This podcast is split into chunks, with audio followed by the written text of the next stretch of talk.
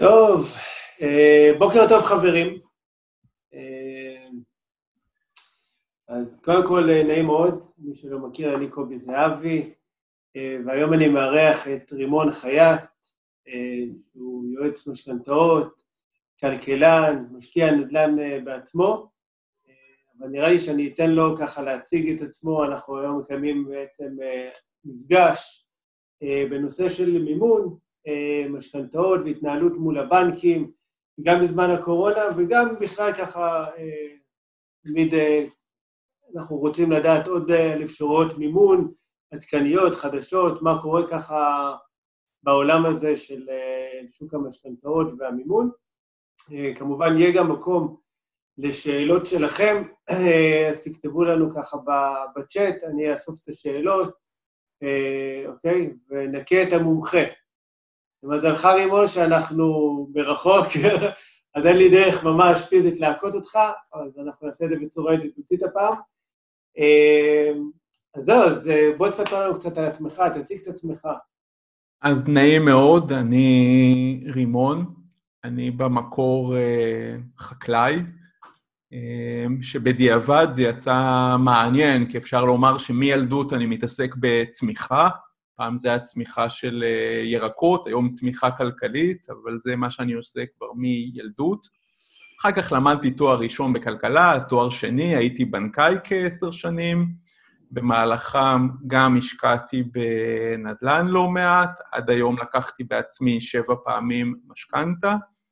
ואחרי כעשר שנים בבנק, יום אחד אשתי אמרה לי, תצא עכשיו בלי למצוא עבודה אחרת, כי אחרת אתה יוצא לאשפוז כפוי, ולאשתי אני נוהג להקשיב, ועד עכשיו זה תמיד אה, הוכיח את עצמו. אז באמת אה, יצאתי, וכבר קרוב לעשר שנים, מה שאני עושה זה באמת פוגש משפחות, ואנשים ועוזר להם לקבל החלטות כלכליות טובות יותר, זה בדרך כלל בתחום המשכנתה, ואנשים אוהבים את השם יועץ משכנתאות, אז זה מה שבעיקר מתקשר אליהם, כי כשזה משכנתה אז זו עסקה גדולה, אז אנשים מבינים שהם צריכים יועץ. לדעתי זו טעות כפולה. פעם ראשונה, כי אני לא... יועץ משכנתה הוא מי שנותן רק משכנתה, הוא אה, יושב אולי בבנק. מבחינתו זה המוצר היחידי שאפשר לתת. אני רואה את עצמי גם בהקשר של רכישת דירה כיועץ מימון, כי אפשר לממן רכישות בהמון סוגים והמון דרכים, ולאו דווקא משכנתה. ואם אתה יועץ מימון, אתה גם יודע, או כלכלן, אתה גם אומר לאנשים מתי בכלל לא כדאי לקחת משכנתה, או מתי לא כדאי לקנות את הדירה בכלל, בעוד שאם אתה יועץ משכנתה, אז מה שאתה יודע לעשות זה לתת משכנתה. זה מה שאתה נמדד לפיו. אז אה, זה העניין הזה. אני גם סופר, יש ספר שלי בנושא משכנתאות שנמצא בחנויות הספרים, אה, הוכרז בשנה שעברה כרב-מכר, שזה די שימח אותי. יש לי ערוץ יוטיוב עם כבר מעל רבע מיליון צפיות אה, וכן הלאה, קהילות כאלו ואחרות של אלפי אנשים. אז זה מה שאני עושה, למעשה הייעוד שלי הוא לגרום לזה שכלל המשפחות בארץ, או חלק גדול מהם, פשוט יקבלו החלטות כלכליות בצורה יותר טובה, יהיו ערניות לניגודי אינטרסים שהעולם הפיננסי הוא רווי בהם, לצערי, באופן מובנה, אה, והציבור פחות מודע לזה, ולאט לאט, בין אם זה בייעוץ אישי, שזה מעט אנשים יחסית, ובין אם זה דרך פודקאסט, יוטיוב וכאלה, הרצאות, לאט לאט יותר ויותר אנשים נחשפים לתכנים האלה, וזה משמח מאוד. כמובן שגם אה, החמישים מי שנמצאים פה עכשיו, ועוד הרבה שיראו אחר כך, זה חלק מהדרך אה, הזאת. מקסים. אה, אז טוב, ב-60 שניות אני ככה, למי שאולי קצת לא מכיר אותי, אני אספר קצת על עצמי. אז אני קובי זהבי, אני מטפל ברפואה סינית, איך בכלל מטפל ברפואה סינית, רוחני כזה, מתגלגל לעולם של נדל"ן, זו שאלה שאני נשאל הרבה פעמים, אז אצלי זה, זה פשוט נפלה לי איזו תובנה שפגשתי איזו מטופלת שלי, שפשוט אני חייב להתחיל לדאוג לעתיד הכלכלי שלי, אוקיי? מה שנקרא לגיל הפרישה, אה, בכדי לא להיות אה, כמוה במצב שלה, שהיא חייבת להמשיך לעבוד עד גיל מאוד מאוד מבוגר, ולהיות בחרדה קיומית על, על כסף בסופו של דבר של האוכל שלה. אני מאוד מקצר את הסיפור, אבל זה מה שגרם לי ולאשתי בסופו של דבר להתחיל לצאת לדרך.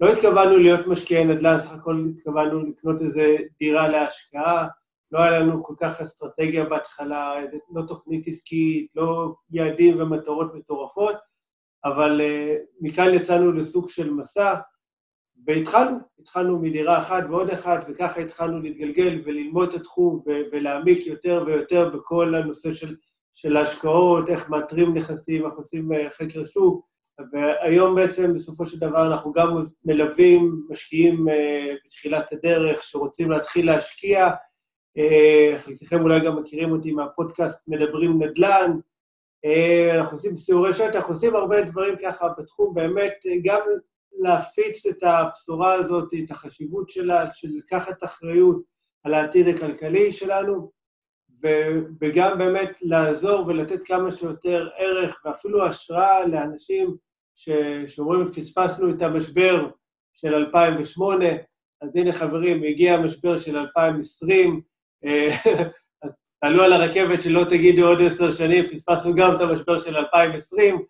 אז זהו, אשתי היא כוח uh, חיוני, אז uh, היא, לא, היא לא כאן איתי, אבל אני מבטיח גם לעשות איזו הדרכה איתה, שתספר קצת uh, על החוויות גם מהצד שלה, uh, איך אחות uh, בבני ברק uh, ככה הופכת להיות uh, יזמית uh, נדל"ן. אז רימון, אנחנו עכשיו נמצאים בתקופה שאפשר להגיד די מאתגרת, מאוד הרבה חוסר ודאות, אה, ככה הרבה בלבול, אנשים לא יודעים לאן הרוח נושבת. אבל דווקא, אתה יודע, אני ואתה אנשים מאוד מאוד אופטימיים, אז בואו דווקא נתחיל לרגע, אוקיי? מהחלק הטוב מכל הדבר הזה שנקרא קורונה. אוקיי. אוקיי? אז כן, אז באמת, אה, מי שקורא עיתונים וכל הזמן עם המונה הזה של כמה חולים, כמה מתים וזה, זה מזעזע. ובכלל, כשאנחנו יושבים בבית זה, ולא הולכים לעבודה וכל הדברים האלו, יש פה אווירה של משהו מאוד מאוד רע שקורה. אה, ובאמת, מגפה עולמית וזה, יש פה אה, דברים רעים. אבל צריך לשים לב, ובמה שאנחנו מתמקדים, זה בעצם מה שגודל בסוף. אז קורים פה גם דברים שהם uh, טובים, והקורונה קידמה המון תהליכים שבלעדיה יכול להיות שהיה לוקח עוד שנים לקדם. ואני לא מדבר רק על זה שנגיד הרכבת בין ירושלים לתל אביב, בגלל שהשביתו את הרכבת, אז קיצרו לה את הלוח זמנים עד סיום העבודות בהמון חודשים, והיא כבר מגיעה עד רכבת השלום חשמלית וכן הלאה, ובכלל עבודות תשתית בכל הארץ התקדמו. אפשר לראות גם בקצת יותר רחב, שבאמת היינו בסוג של אטרף, של אה, קניות וצריכה ומיליארדים שבבלאק פריידיי כל העולם מוציא על כל מיני שטויות מסין שאף אחד לא... שרק בגלל שהיה איזה יום כאילו מיוחד קונים, לאו דווקא צריכים. ופתאום יש משהו שמוריד אותנו, והזיהום אוויר ירד משמעותית, חיות בר חוזרות לכל מיני מקומות שהם שכחו שהן אמורות להיות בו, באמת יש אה, סביבה שהיא אה, הופכת להיות עם אה, יותר מכילה את כל הדברים, וזה טוב. זה דרך אגב די אבסורד, שפתאום אנשים קונים את מה שהם צריכים וכל הכלכלה מתרסקת, כן? אבל אני חושב שאנחנו נגיע בסוף לאיזשהו איזון שהוא יותר טוב. בתחום שלנו, שזה תחום של נדל"ן ובנקאות ודברים מהסוג הזה, אז גם אנחנו רואים שבצל הקורונה קרו המון דברים שאני חושב שגם כשכבר לא נזכור את השם קורונה, אנחנו עדיין נהנה מהדברים הטובים שקרו בהם. עצם זה שאנחנו מדברים עכשיו בצורה כזאת, זה לא כזה מיוחד. וובינארים היו כבר קודם וכן הלאה, אבל כשאני הייתי בנקאי, אז סמל הסטטוס, להראות שאתה עובד חשוב, זה היה היכולת לקבל אימייל מבחוץ. כי זה כאילו חושף את הבנק לסיכון, ייכנסו וירוסים ואלוהים יודע מה, אז רק אנשים מאוד מאוד מסוימים יכלו לקבל אימייל. היום כבר התקדמו ואפשר לקבל אימיילים גם כשאתה פקיד בבנק או בנקאי בבנק, אבל המחשבה שאפשר ל... לעשות uh, עבודה מהבית בבנק, אין לי ספק שהיה לוקח שנים עד שהיו מגיעים לזה שאפשר יהיה לעשות את זה, ופה מהיום למחר הגיעו לדבר הזה, גם בארגון מאוד מאוד שמרני כמו בנק, אבל גם בהמון ארגונים אחרים. והדבר הזה כבר יישאר איתנו, כבר לא יחזרו אחורה. איזה שירותים היום עברו לעבודה מהבית, ריבון? אז תכף אני אומר זה לא, אה, את הדברים, אבל עוד, עוד משפט, זאת אומרת, זה פתאום הפך למשהו שזה ייראה אידיוטי לדעתי מעוד שבועיים, כשנגיד הכל יחזור כאילו לשגרה, זה ייראה נורא מטופש לנסוע שעה שלמה מראש העין לתל אביב, הלוך, שעה הלוך, שעה חזור, בשביל לשבת במשרד, אחרי שחודש העובד עשה את אותה עבודה בבית, ועוד כשהילדים גם בבית. תארו לכם כמה פרודוקטיבי היה יכול להיות אם הילדים לא היו בבית. כן. ויכול להיות שחלק מהמנהלים כן ידרשו את ההמשך הגעה, אבל אני חושב שהחכמים יותר מביניהם יבינו שלפחות חלק מהשבוע אפשר לחסוך את הזיהום אוויר, והשעות האלו, שזה כאילו שעה שהמעסיק לא משלם, אבל הוא ודאי משלם כשהעובד מגיע אחרי שעה בפקק, עייף, עצבני וכן הלאה. אמ, אז זה דבר אחד. טיסות, אה, זה היה...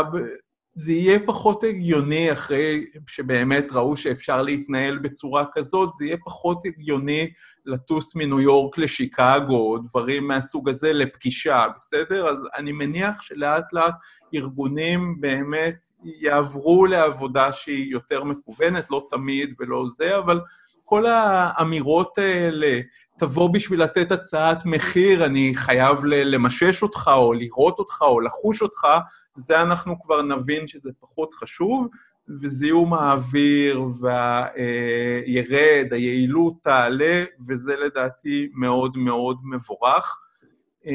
מבחינת הבנקאות, זה תהליך, אני עוד ב-2018 כתבתי שלדעתי בסוף לא יהיה סניפי בנקים בכלל, וזה באמת היה נראה נורא תלוש מהמציאות. אני אתן לכם דוגמה, באותה תקופה, לפני שנתיים, הייתה לי לקוחה שהייתה צריכה לקחת משכנתה, אבל לרוע מזלה היא הייתה חולה שמרותקת למיטה.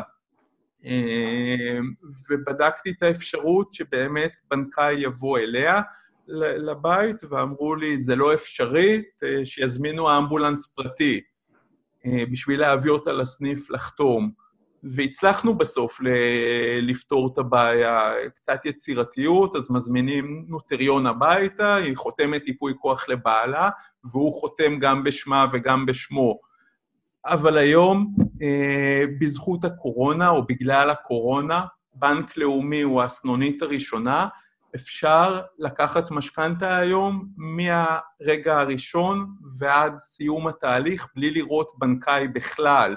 זאת אומרת, לנהל את המשא ומתן בטלפון, לקבל את המסמכים באימייל, לחתום עליהם מול בנקאי בשיחת וידאו, בסקייפ, והבנק שולח שליח כדי לאסוף אותם. בשלב השני אולי גם לא יהיה צורך במסמכים. זה גם נראה כבר קצת מיושן להדפיס נייר, לחתום עליו ולשלוח אותו הלאה, אבל... זה לבד ישאיר עוד כמה עצים, אתה יודע. בסדר, אבל עצם זה שאפשר כבר לעשות את כל התהליך בלי להגיע בכלל זה שינוי כן. שהוא, מי שלא מעולם הבנקאות, קשה לו להאמין שזה בכלל, זאת אומרת, היה יכול להיות לו קשה להאמין לפני שנה שדבר כזה אי פעם יקרה, זה אחד הגופים הכי שמרניים שיש, והנה הגיעו. לחלוטין. ועוד דבר שאנחנו רואים יפה בעניין הזה, זה באמת התחזקות של התחרות במובן זה שעד היום התחרות היא הייתה על המחיר, אבל את איך עושים את הדברים, כל הבנקים היו תמיד אותו דבר, ועל כל דבר היו אומרים תקנות בנק ישראל, וכמו, זה מזכיר לי שכשאשתי פעם עבדה באיזה חברת כוח אדם, אז היו אומרים לה, אל תגידי אף פעם שמקבלים שכר מינימום, תגידי שכר כחוק. אוקיי? אז גם הבנקים היו uh, כל הזמן, כולם היו בדיוק מיושרים על אותו דבר מבחינת קריטריונים, כי ככה קבע בנק ישראל. פתאום אנחנו רואים עכשיו, בצל הקורונה, שהתחרות היא גם על רמת שירות, פתאום יש בנק שהוא מאפשר בלי להגיע לסניף, לעומת אחרים שלא הגיעו לזה, אבל ללא ספק הם יגיעו. פתאום יש בנק שאומנם בנק ישראל קבע שריבית, שהצעת המחיר היא רק, היא לפחות ל-24 ימים בתוקף, אבל בנק שביוזמתו העלה את זה ל-30 ימים את התוקף, וכן הלאה. זאת אומרת, אנחנו רואים שהתחרות היא לא רק על מחיר, אלא גם על רמת שירות, וזה דבר שהוא מאוד מבורך, וזה דבר שגם אנשים אה, יזכרו אותו, לדעתי, להרבה זמן, וככה צריך לראות שוק שהוא אה, מפותח. אמנם יש מעט שחקנים, אבל גם כמות, ברגע שהדברים הם יותר תחרותיים, גם ייכנסו עוד שחקנים. אתה לא חייב להיות בנק כדי לתת משכנתה. אה, כל אחד מכם יכול עקרונית לתת משכנתה, למשכן בית של מישהו ולתת משכנתה, אין שום בעיה עם זה. אה, אז יהיו יותר שחקנים ברגע שהשוק הופך להיות יותר מעניין. ובתוך המערכת הבנקאית עצמה, אז גם מגלים יותר ויותר יצירתיות לתוך הדבר הזה, וזה לדעתי דבר שהוא מאוד מאוד מבורך. קשה, בעיניי זה, זה רק ילך ויתקדם עוד ועוד. כן. ובתוך ה, כל אחד מכם, אני לא יודע פה מי עצמאי, מי לא עצמאי, כל מי שלא עצמאי, לדעתי הקורונה המחישה את זה שחייבים שיהיה כמה מקורות הכנסה, לא משנה קביעות, לא קביעות, כל מיני אנשים שחשבו שלעולם חוסן, כי המקום עבודה שלהם סופר יציב. פתאום אנחנו מבינים שזה לא המצב. עכשיו, לא היינו צריכים את הקורונה הזאת. כל אחד יודע שהוא יכול מהיום למחר לשבור רגל, או אה, לרדת ברמת ההכנסה שלו מסיבה כזו או אחרת. אבל פתאום שמו לנו איזשהו תמרור שבאמת זה יכול לקרות לשני בני הזוג ביחד וכל זה, אז לדעתי, מי שהבין את הדבר הזה, רמת המודעות שלו תעלה, וזה גם, זה משהו שהוא, לדעתי, שיעור שהוא אה, אומנם טראומטי, אבל דברים טראומטיים הם דברים שגם זוכרים אותם. דיברת קודם על בזבוז של משברים, אז זו אמירה של uh, צ'רצ'יל, שאמר שאסור לבזבז משבר טוב. תמיד צריך ללמוד ממנו ולראות מה הלאה, איך להתקדם. אני, אחדד משהו גם, ברשותך, כי אתה יודע, הרבה פעמים משברים הם סוג של שעון מעורר. רק אה, לרובנו יש איזה הרגל, כנראה מהיקיצה בבוקר, לשים, אתה יודע, את השעון מעורר על נודניק, עוד חמש דקות. ודוחים ודוחים ודוחים עד שבסוף מתישהו קמים, אבל עד שאנחנו הרבה פעמים מתעוררים, גם המשברים כבר עברו.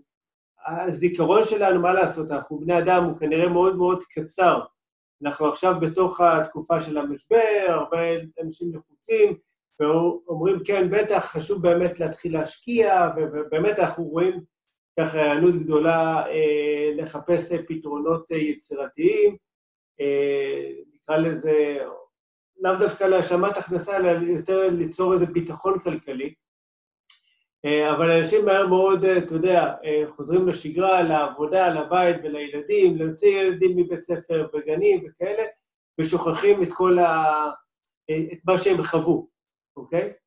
בתקופה של המשבר, וזה לאו דווקא במשבר של קורונה. והעצה שלי תמיד זה לכתוב כבר את הלקחים כבר עכשיו, היום, איזה תובנות יש לנו מהמשבר הנוכחי.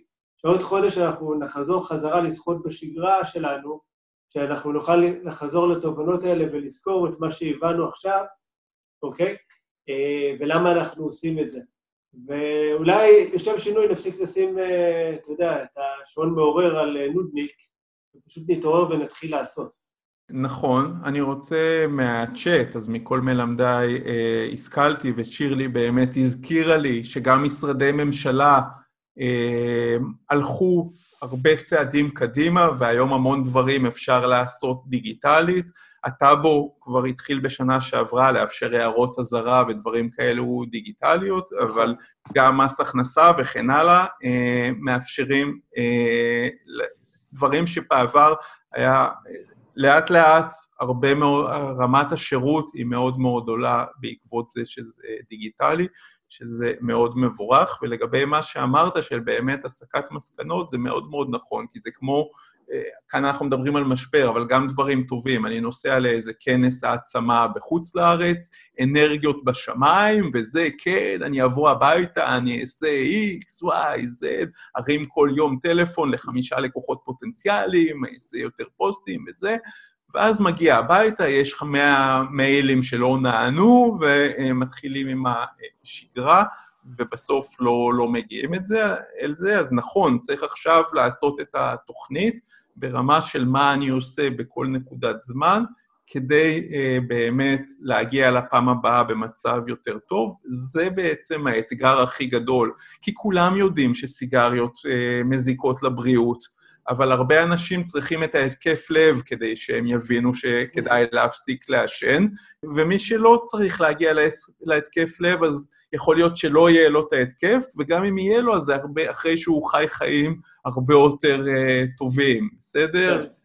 סיגריות גם מסריחות, לא, וגם עולות כסף, לא רק uh, עושות התקף לב, סליחה אם יש פה מעשן, אבל uh, זה העניין. ובכל תחום אנחנו המון פעמים צריכים מכה עם נבוט על הראש, אבל החוכמה היא א', לא להגיע למכה עם הנבוט, רובנו יודעים שצריך שיהיה לנו כל הזמן איזשהו סכום כסף בצד למקרה חירום, אבל הנה, יש לנו המחשה.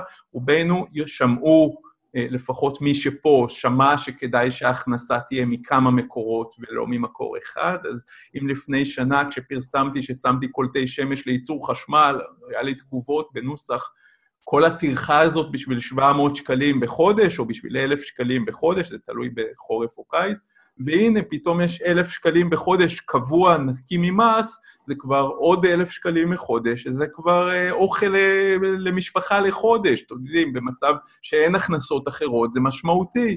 אז כל מיני דברים כאלה, אני חושב שהבהירות שלהם עלתה ברמה הרבה יותר אה, גבוהה.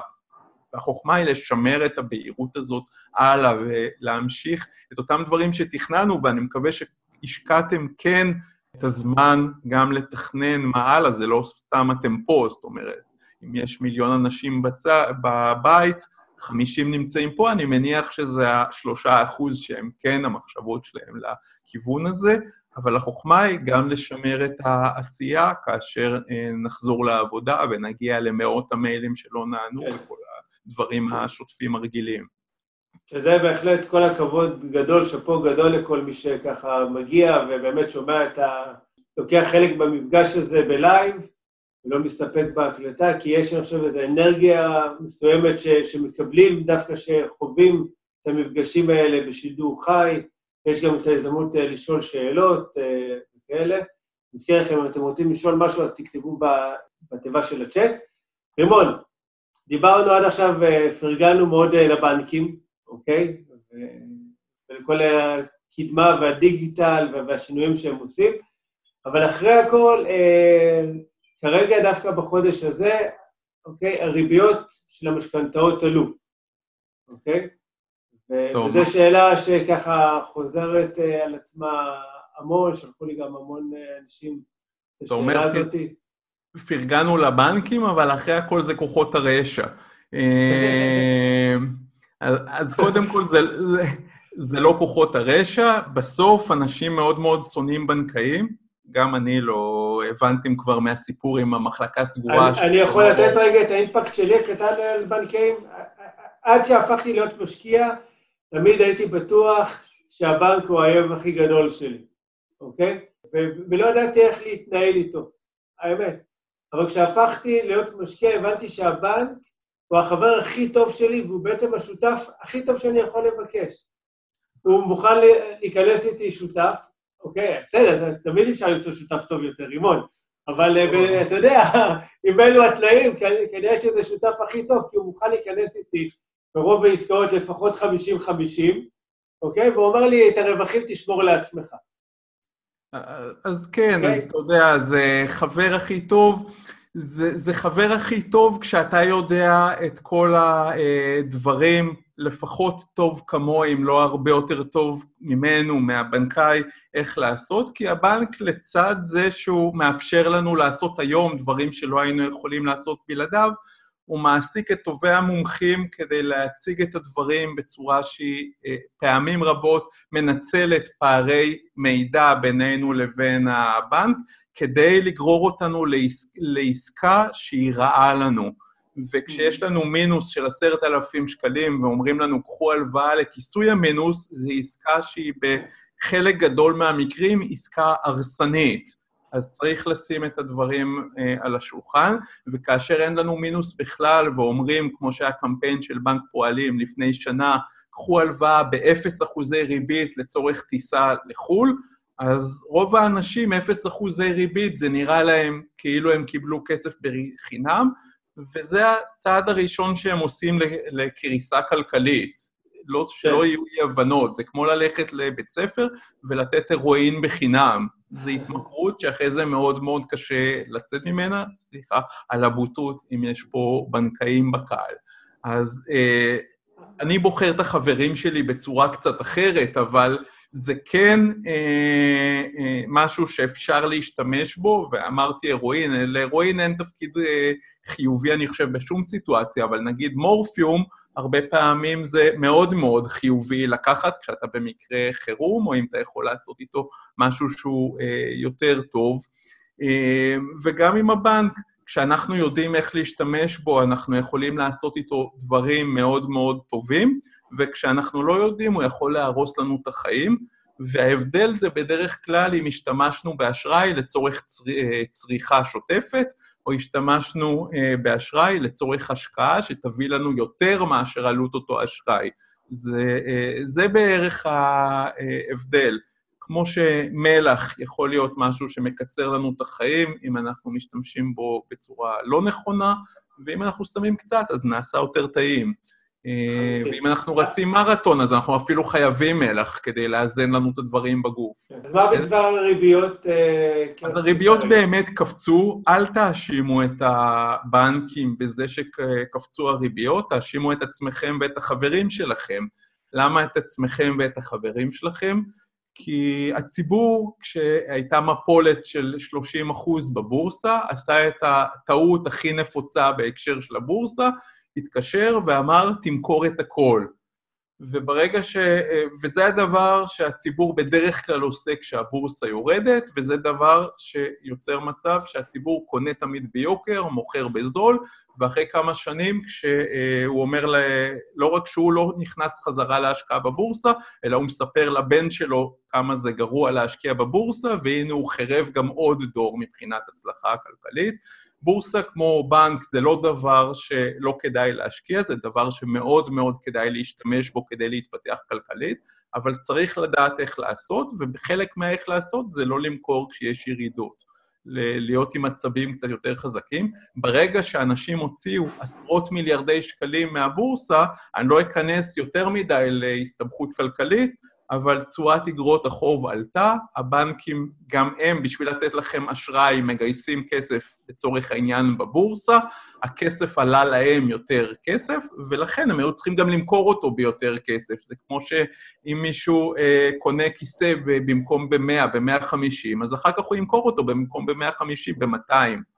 על כל זה יש להוסיף גם מקדם היסטריה מסוימת, אני אולי אפתיע פה מישהו, אבל הבנקאים הם בני אדם, וכמו שאנחנו אה, נבהלנו נורא מהקורונה, גם הם נבהלו בהתחלה מאוד, והעלו את הריביות מתוך פאניקה, עוד לא ידעו לאן זה הולך ל- ללכת, אבל זה חד משמעית, לא מנצלים אותנו, דווקא שקשה לנו אז לוקחים מאיתנו יותר, וכל מיני דברים כאלו. זה אה, חסר בסיס. היה, יש, היה פה פאניקה, אבל הנה, אנחנו רואים דווקא בשבועיים האחרונים, מבינים שהמשק הוא לקראת התייצבות, הריביות יורדות חזרה, אה, וככל שאנשים גם יבינו שהם עשו שטות כשהם משכו את הכסף מהבורסה ויחזרו, אז לדעתי אנחנו נחזור לריביות שהן אה, יותר נמוכות. דרך אגב, גם הריביות הכל כך גבוהות, כאילו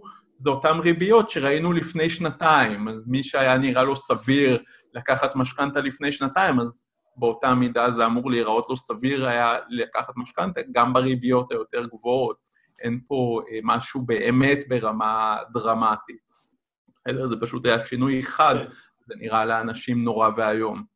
אני חושב שהשינוי הזה בכלל בריביות אה, שיקף את המצב של החוסר ודאות שהיה בכלל במשק. כן, זה בדיוק כן. המקדם פאניקה. זה נכון. חוסר ודאות, כן. גם הבנקים בסופו של דבר, התחלנו מזה שהם אה, דואגים די, אתה יודע, לעצמם ולביטחון שלהם והכול. בצדק, כל, כל אחד צריך לחשוב תמיד כאילו, יש את זה בהגדה לפסח, כאילו זה, הוא זה שיש לו את המיליון שקל והוא היה מלווה לחבר. ברור שאם יש פתאום אירוע של קורונה, אז הוא יחשוב פעמיים לפני שהוא ילווה את המיליון שלו לחבר, כי הוא גם לא יודע מה יקרה אצלו. כן. עכשיו, כחלק מההטבות, המתנות שבנק ישראל מעניק בתקופת הקורונה, אוקיי? זה כל העניין של אה, אה, אפשרות לקבל עד 70 אחוז אה, מימון, אוקיי?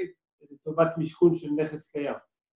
אוקיי, השאלה עד כמה זה בכלל באמת ישים, זאת אומרת, בשטח. אז קודם כל צריך לזכור דבר פשוט, זה שכשבנק ישראל מתיר לעשות משהו, זה לא אומר שהבנק חייב לעשות אותו, זה רק אומר שבנק ישראל מתיר לעשות את זה, וזו עדיין החלטה של הבנק, האם הוא רוצה לבצע את הדבר הזה. וכן, אם עד היום כשהיה לנו דירה ששווה נניח שני מיליון שקל יכול, ללא משכנתה, יכולנו לקחת על חשבונה כביכול משכנתה של מיליון, ואם זה לקנות נכס נוסף, או לעשות כל דבר אחר. אז היום אנחנו יכולים לא לפי חצי משווי הדירה, אלא לפי 70 אחוז משווי הדירה, וזה אומר שאנחנו אה, כמשקיעים יכולים להשתמש ביותר כסף לצורך ההשקעה הבאה. צריך תמיד לזכור, וכל פעם שנדבר על אשראי אני אשתדל להזכיר את זה, לא מדובר באיזושהי מתנה בהכרח, ואנשים נורא אוהבים לקבל את האשראי, לפעמים הם פחות חושבים על העובדה שצריך להחזיר אותו, אז כן, מותר לנו לקחת הלוואה יותר גדולה, אבל צריך לחשוב טוב-טוב האם יש לנו את הכלים כדי להחזיר אותה. תראה, אני, אני רוצה לתת מנקודת ההנחה שמי שנמצא איתנו כאן במפגש, הוא משקיע נדל"ן, או שיש לו איזו זיקה או מחשבה להיכנס לתחום, אז אני חושב שהאפשרות לקבל עוד 20 אחוז אה, אוקיי? היא, היא אפשרות מאוד uh, טובה. זאת אומרת, לפעמים ב-20% האלה יכולים לאפשר לך לקנות עוד נכס, ולפעמים אפילו עוד שני נכסים, אוקיי? תלוי מה, מה גובה המשכנתה. אז uh, לנו כמשקיעים היא באמת יכולה להיות סוג של מתנה, האפשרות למנף 70% uh, מנכס קיים. הלוואי uh, ואפילו יכולנו לקבל 70% משכנתה, אתה יודע, לרכישה של נכס שני ומעלה, זה גם כן היה יכול להיות אה, נחמד, אבל זה בנק ישראל... כשאני התחלתי, כשאני התחלתי, אז היה אפשר על כל דירה שקונים, לא משנה אם היא ראשונה או עשירית, לקבל 95% מימון. רימון, זה לא פייר מה שאתה עושה עכשיו, אתה זורע מלך על הפצעים, אבל אולי מישהו מהבנק יקשיב לנו ויגיד, בוא נחזיר עטרה ליושנה. אה, אני מכה על חטא, זה לא, לא נעים גם לעצמי, כי אני לקחתי 75 אחוז רק, וזה היה יכול להכפיל את מספר הדירות, אם במקום 75 הייתי לוקח 95, זה היה פשוט מייקר את ההלוואות כן. ולא עשיתי את זה. אה, כן, כן, חלק כותבים כאן, זה ממש לא פייר אה, שסטיילי פישר שם ברקס לכולנו. כן ולא, עדיין מצליחים לעשות נדל"ן, נכון, זה קצת יותר מאתגר, דורש קצת יותר תחכום. אבל זה לא שזה לא, לא אפשרי, בסופו של דבר צריכים גם להבין שאיפשהו הבנק בא גם להגן עלינו, בנק ישראל לפחות בא להגן עלינו המשקיעים, אה, ממינוף יתר, כי זה מה שבסופו של דבר גם גרם לקריסה בסייפרם בארצות הברית. גם זה, כן. וגם אם היה יותר כסף, היה אפשר להשקיע, יותר אנשים יכלו להשקיע יותר פעמים, אז המחירים גם היו עוד יותר גבוהים, זה בסוף נכון. התוצאה, זה מה שניסו נכון. למנוע גם. אבל כל העניין של ה-70 אחוז הוא משהו שהוא ישים, זאת אומרת, משהו שבאמת ניתן לקבל אותו, או שהוא עדיין סוג של אה, הוראה של בנק ישראל? אני חייב להודות שאני לא ביצעתי בשביל לקוח שלי עדיין אף הלוואה של 70 אחוז, וגם יועצים אחרים שאני בקשר איתם לא ביצעו, אז עקרונית זה ישים. החליטו שאפשר, אז זה ישים מבחינתי. אם באמת מבצעים את זה, זה חדש מדי, אני לא יודע להגיד. זאת אומרת, אם נחשוב שניהול משא ומתן למשכנתה זה נגיד חודש, והחליטו את ההחלטה הזאת לפני פחות מחודש, אז אני לא יודע אם משכנתה כזאת כבר נסגרה. אבל בוא נדבר, זאת אומרת, יש עכשיו אה, בכל זאת אנשים שרוצים לקבל משכנתה, הבנקים כרגע עובדים במתכונת אה, מצומצמת, מיוחדת. אה, מה עושים שהבנקים כרגע מאוד מאוד עמוסים, אפילו מבקשים לא להגיע לסניפים, אוקיי, יש עניינים עם כל הנושא של אישור עקרוני. איך, איך מתנהלים עכשיו מול הבנק בתקופה הזאת? אתה רוצה להוציא אישור עקרוני, אומרים לך, לא עכשיו, תביא קודם כל עסקה. נכון, נכון, היה... הבנקים עבדו מ... במתכונת חירום באמת, שתבינו עד כמה זה היה אה, מעניין. הבנקים עבדו עם 15% מהיקף כוח האדם שלהם, בסדר? בכל רגע נתון. אז אנחנו מבינים שכל אחד מאיתנו, אם הוא היה צריך לעבוד רק עם 15% מכוח האדם שלו, אז הדבר הראשון שהוא היה עושה זה לעשות סדר עדיפויות. ומבחינת הבנקים, סדר העדיפויות היה קודם כל מי שיש לו חוזה והוא הולך באמת להפר אותו בגלל שהוא לא יצליח לקחת משכנתה בזמן, אז טיפלו בו, דבר ראשון, ומי שבא כדי לקבל אישור עקרוני, כי מתישהו תהיה לו דירה, אז שיעבור גם מתישהו, בסדר? אז זה באמת, ואני חושב שזו גישה שהיא נכונה באופן כללי. אמ, לצד זה באמת מערכות התארגנו ואמרתי לכם, יש תהליך של התארגנות, והוא ילך וישתפר לאט-לאט. אמ, אבל נכון, אדם מהרחוב שבא לקחת אה, משכנתה עכשיו, נורא נורא קשה לו אה, עד קרוב לבלתי אפשרי. פה יש באמת מאוד משמעות לעניין של אה, לשכור יועץ. זאת אומרת, אני חושב שהעיקר בייעוץ, ביועץ משכנתה או בכלכלן מטעמכם או יועץ מימון, זה לא בהיבט של התיווך עם המערכת הבנקאית, אלא זה יותר בייעוץ הכלכלי, באיזה מסלולים, במה כדאי לעשות וכן הלאה. אבל בתקופה הזאת, כן, ליועצים שיש להם את המספר וואטסאפ של הבנקאי שנמצא בבית, אה, היה הרבה יותר קל לעבוד מאשר לאדם מהרחוב. אי אפשר לברוח מהדבר הזה. בסדר? אז זה כבר באמת הבדל של מישהו שהוא ביחסי עבודה קבועים מול המערכת לגבי, לעומת מישהו שהוא חד פעמי או אחת לכמה שנים. כן. עוד שאלה ששואלים, זאת אומרת, עכשיו, אה, עם כל המצב שיש 25 אחוז אבטלה, יש כמה, יותר ממיליון איש שיושבים בבית, איך הבנקים מתחשבים בכל הנושא של היכולת החזר שלנו? אז שאלה מעולה. אמ, קודם כל, אז כן, הבנקים עשו את ההתאמות שלהם, ומי שבחל"ת, אז מתייחסים היטב גם להכנסה שלו לפני החל"ת, ולוקחים בחשבון מה הסיכוי שהוא יחזור לעבודה, אמ, לפי ענפים שבהם הוא מועסק, וקריטריונים נוספים וזה. ועוד הקלה שעשו זה של הלוקחים, אה, אם מישהו רק ירד באחוזי המשרה, זאת אומרת שרואים שהוא לא לגמרי בבית, אלא יש לו היום הכנסה שהיא נגיד 50 אחוז מההכנסה שהייתה בינואר, אז קבעו שבמקום הכלל אצבע של נגיד 30 אחוז מההכנסה, לתקופת הקורונה מדברים גם פה על 70 אחוז מההכנסה מבחינת היכולת לקבל אה, אה, משכנתה, אז בהחלט עשו התאמות ומבינים את המצב, ולא הולכים על עיוור, תביא תלוש, אין לך תלוש מהחודש האחרון, אתה לא מקבל משכנתה, אלא מבינים שיכול להיות שאין לך תלוש מהחודש האחרון, כי למיליון איש לא היה תלושים, אבל אם אנחנו אה, סוברים כבנק שיהיו לך הכנסות, אז אה, התהליך לא ייפגע באופן אה, קריטי. כן. בסדר? זה מה שאנחנו... איך עובד אה, בכלל כל הנושא הזה של אה, מחזור משכנתאות בימים האלה? מחזור משכנתאות, אז אם אמרנו שהייתה קפיצת ריביות, אז כמובן שמחזור דווקא זה לא בהכרח הזמן הטוב לעשות אותו.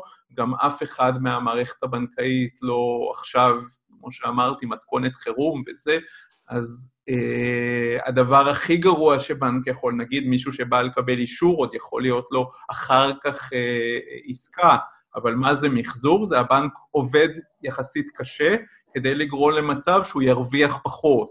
אז בואו נגיד שזה לא בסדר העדיפויות הגבוה כן. כרגע כן. לעשות מחזורי משכנתה. אני כן חושב שנגיע לשגרה תוך כמה שבועות, ואז אפשר יהיה לחזור גם למחזורים, ואז יהיה פרק זמן של הזדמנות שאת החישוב של העמלת פירעון מוקדם, שיש הרבה פעמים במחזור, יחשבו לפי הריבית הגבוהה של היום, ואת הריבית שנקבל בפועל, היא תהיה ריבית יותר נמוכה, ופה דווקא יהיה איזושהי אה, חלון הזדמנויות לעשות מחזור למי שבעבר היה לו אה, עמלת פירעון מוקדם מאוד גבוהה, ובגלל זה, דרך אגב, בטעות, הוא לא אה, ביצע את המחזור. מצוין. כרגע בכלל, בכל תקופת הקורונה, יש עוד איזה, נקרא לזה הטבות שהבנקים מציעים מבחינת אחוזי מימון וכאלה? יש איזה... אז נגענו, יש אה, הטבה אה, מבחינת אחוזי מימון על, מהדירה אה, הקיימת, מבחינת אחוזי מימון מהשכר.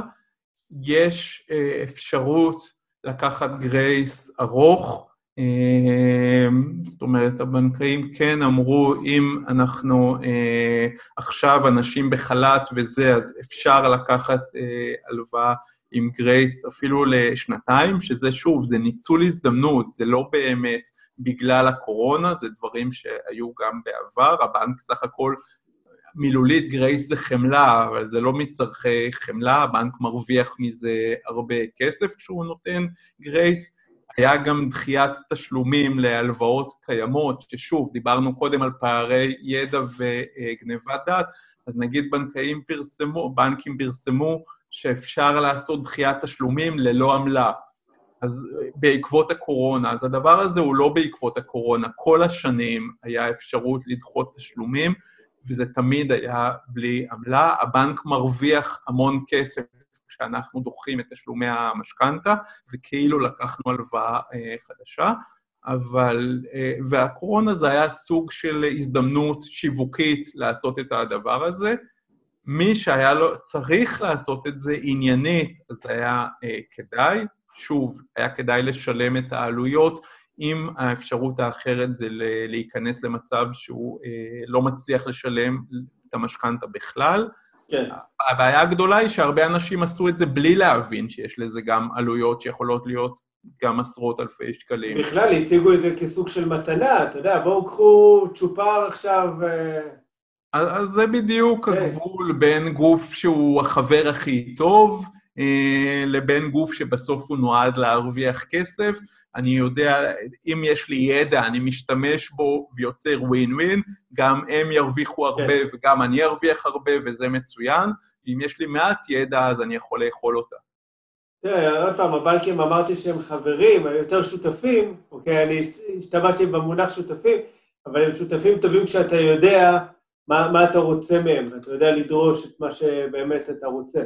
כן, זה בדיוק האמירה שוב של מרק טוויין, כן. הבנק יציע לך מטריה ביום שמש ויבוא לבקש את החזרה ביום גשם, כן? אז...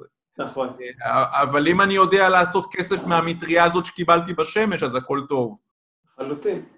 אה, הזכרת מקודם כל העניין של גרייס, אה, לקיחה של גרייס, זאת אומרת, מה, מבחינת אה, קבלה של אה, גרייס על אה, שעבוד של נכס קיים, זו פשוט שאלה שעלתה, לכמה זמן ניתן לקבל גרייס כזה היום בכלל? אז עקרונית אין מגבלה עניינית לכמה זמן אפשר לקבל גרייס, זאת אומרת, זה, זה הכל החלטות ניהוליות של הבנק, אין מגבלה כן. מלמעלה. בדרך כלל מקובל אה, שנתיים גרייס חלקי, אה, בעקבות הקורונה, שוב, בנק לאומי נתן שנתיים גרייס מלא, אבל גרייס מלא זה אומר שלא משלמים כלום מהכיס, אבל המשמעות של הכלום מהכיס זה אומר שהריבית נצברת ומגדילה את החוב כל חודש, ואז הריבית בחודש הבא היא על סכום יותר גדול, וכן הלאה, ריבית דריבית אה, בשביל הבנק, אז צריך לשקול את זה מאוד מאוד בזהירות. כן. אה... אתה צופה שיהיה איזה שינויים אה, מבחינת אחוזי מימון לדירה ראשונה, לדירה שנייה? הסיבות שבגללם מלכתחילה נתנו את הגזרות האלה או את המגבלות האלה, הסיבות האלה לא השתנו. אז אני, אני לא יודע להגיד אם זה יישאר קבוע או לא יישאר קבוע, סך הכל גופים, כשהם מחליטים, לשנות החלטה זה דורש מאמץ, ותמיד אנשים, וגם בגופים כמו בנק ישראל יושבים אנשים, אנשים אוהבים את המאמץ המינימלי. אז אני לא יודע אם זה יחזור או לא יחזור, כן. אני יודע כן לומר שההיגיון אומר שאם אה, כשהטילו את זה היה מצב מסוים והוא לא ישתנה, אז אין סיבה לא להשאיר את אותן מגבלות. ימים יגידו. נכון. תראה, עוד לפני הקורונה, האמת היא, כבר התחילו לקום כל מיני גופים שמאפשרים אה, לקבל אה, אחוזי מימון גבוהים, אוקיי? גם על עסקה שנייה, שלישית ואפילו עשירית, אוקיי? אה, הרבה יותר מהבנקים, כמו מימון ישיר, אוקיי? ויש כל מיני חברות כאלה. חברות פרטיות, נכון. הנחיות בנק ישראל הן כולן אה, חלות רק על חמש הקבוצות הבנקאיות הקיימות, וכל אחד יכול להקים חברה ולתת הלוואה אה, בלי שום מגבלה למעשה, גם על 100% מימון וגם על 110% מערך הדירה, אם הוא רוצה. בינתיים, אה, השיא זה באמת אה, חברות הביטוח, נותנות 70 וזה, אבל יש גם כמה חברות פרטיות כאלו ואחרות, אבל אה, אני חושב ששוב, יהיו עוד גופים שיעשו את זה בעתיד. כן. מתי אתה באמת ממליץ להשתמש בחברות האלה? כי עוד פעם, מי שבדק בטח כבר גילה שהריביות הרבה פעמים יותר גבוהות אפילו מהתשואה שניתן לקבל בארץ, לרוב על נדל"ן. אז אם זה המצב, אז כמובן שבמקרה כזה, אז לא כדאי, אז בדיוק, כן. זה העניין שאנחנו חוזרים כל פעם, הבנקים הם רשאים, לא, הנה, הם נותנים בריבית יותר נמוכה ממה שאחרים מוכנים לתת לכם, וממה שאתם הייתם מוכנים להלוות לחבר אם היה לכם כסף. אבל כן. אה, נכון, אנחנו, הקריטריון היחיד כמשקיע זה האם אני יודע לקבל תשואה יותר גבוהה ממה שאני מקבל בצד. אחרת עדיף לא לעשות את העסקה בכלל. כן. האם קיימות הלוואות כנגד אה, פוליסות חיסכון? אה, האם התנאים לקבלת משכנתה יהיו פחות טובים? התערבב פה שני כן. דברים, פוליסות חיסכון. בוא נתחיל ככה, מהלוואות על... זרקת לי ראש פרק, אני אדבר עליו. אז כן, אם אתם זוכרים, אמרתי בהתחלה יועץ מימון ולא יועץ משכנתה, ובאמת אפשר לקבל הלוואות מקרנות הפנסיה, מקרנות ההשתלמות, כל מיני, אה, על חשבון פוליסות חיסכון ודברים מהסוג הזה. אני כן חושב שבהיבט הזה השוק קצת ניקה את עצמו בעקבות הקורונה. אם בעבר היה כל מיני פרקטיקות כאלה של תשים 100 אלף בקרן חיסכון, בפוליסת חיסכון, תיקח הלוואה על חשבון הפוליסה הזאת, תשים את הכסף בעוד פוליסת חיסכון, תיקח גם משם הלוואה ותשרשר את הכסף ככה איזה שלוש-ארבע פעמים. כשהבורסה עולה ב-15% עשית איזושהי קופה, וכשהיא יורדת ב-30 אחוז, אז זה המשמעות של מינוף. אז גם הכפלת פי שלוש את ההפסד שלך, את כל ההלוואות צריך אה, להחזיר, לפעמים אפילו שהקרן ירדה אל מתחת לחוב, ואתה יכול בהחלט להיתקע במצב לא נעים. אבל כן, אם יש לי... אה, וגם החברות שנותנות את האשראי הבינו שזה בניגוד למה שהיה נראה כסף בטוח. זאת אומרת, יש לי קרן השתלמות שיש בה נגיד 200 אלף שקל, אני לוקח הלוואה על 80 אחוז מהם, מבחינת הקרן כאילו אין סיכון כי הקרן, הכסף אצלה, אבל מה קורה אם הוא יורד ב-30 אחוז? אז הבינו את הדבר הזה, אני לא יודע אם זה יישאר, אבל כל קרן אה, שינתה את המדיניות לפי איך שהיא רצתה, חלק עברו לתת רק על 50 אחוז, חלק על פחות וכן הלאה. בסוף זה יחזור, אני מניח, לאותו מקום, כי הקרנות רואות יתרון מאוד מאוד גדול בזה שהן מצליחות לתת הלוואה, לא בגלל הריבית שהן מקבלות, אלא בגלל זה שהן שומרות את הכסף כך שאנשים לא יוציאו אותו מתוכם, וזה כן. הכסף הגדול מתוך, בשבילם. שאלה קצת אה, לנדל"ניסטים, אתה יודע, המתקדמים יותר, אוקיי? אה, לגבי כל סוגיית יחס החזר לעומת אה, הכנסה פנויה, אוקיי? כאשר מדובר בנכסים להשקעה. אז פה אין, בניגוד למה שאנשים חושבים, אין כלל אצבע. זאת אומרת, זה שהבנק משתמש בכלל אצבע של נגיד שליש מההכנסה יכול ללכת לתשלום המשכנתה, זה כלל אצבע שהוא אה, לוקח בחשבון שיהיו כמה עשרות אלפי אנשים ב, אה, בשנה שלא יצליחו לשלם את המשכנתה, ומבחינת הבנק זה לא סוף העולם שאנשים לא משלמים את המשכנתה, או נלחצים, או מתגרשים, או שהפריאות שלהם. נפגעת. זה בסוף איזושהי עלות תועלת שיוצרת מצב שהבנקאי יוכל בדקות ספורות של שיחה להגיד מאושר, לא מאושר, וכשהבנק יש לו סבירות מספיק גבוהה שהוא יוכל אה, לקבל את כספו חזרה. זה בגדול הדבר. כשאדם עושה לעצמו את החשבון לגבי אחוז המימון, הוא צריך ל- לעשות את הדברים בזהירות הרבה יותר גבוהה. יש אנשים שיכולים לשלם הרבה יותר משליש מההכנסה הפנויה שלהם למשכנתה, ויש אנשים שאפילו שקל עקרונית לא יכולים לשלם למשכנתה. אם מישהו היום, כל חודש, יש לו גירעון של 2,000 שקלים, והוא קונה דירה שהשכירות ממנה תהיה 2,000 שקלים, אז הוא לא יכול לשלם שקל למשכנתה, אין פה עניין של אחוז מההכנסה הפנויה, כי עקרונית אין לו הכנסה פנויה. מבחינת הבנק אוכל זה לא התחייבות, אבל אוכל ובגדים, אבל מבחינת האדם, כשהוא צריך לבחון את צעדיו, אוכל ובגדים זה בהחלט התחייבות, הוא לא יכול להפסיק לקנות כן. אוכל ובגדים.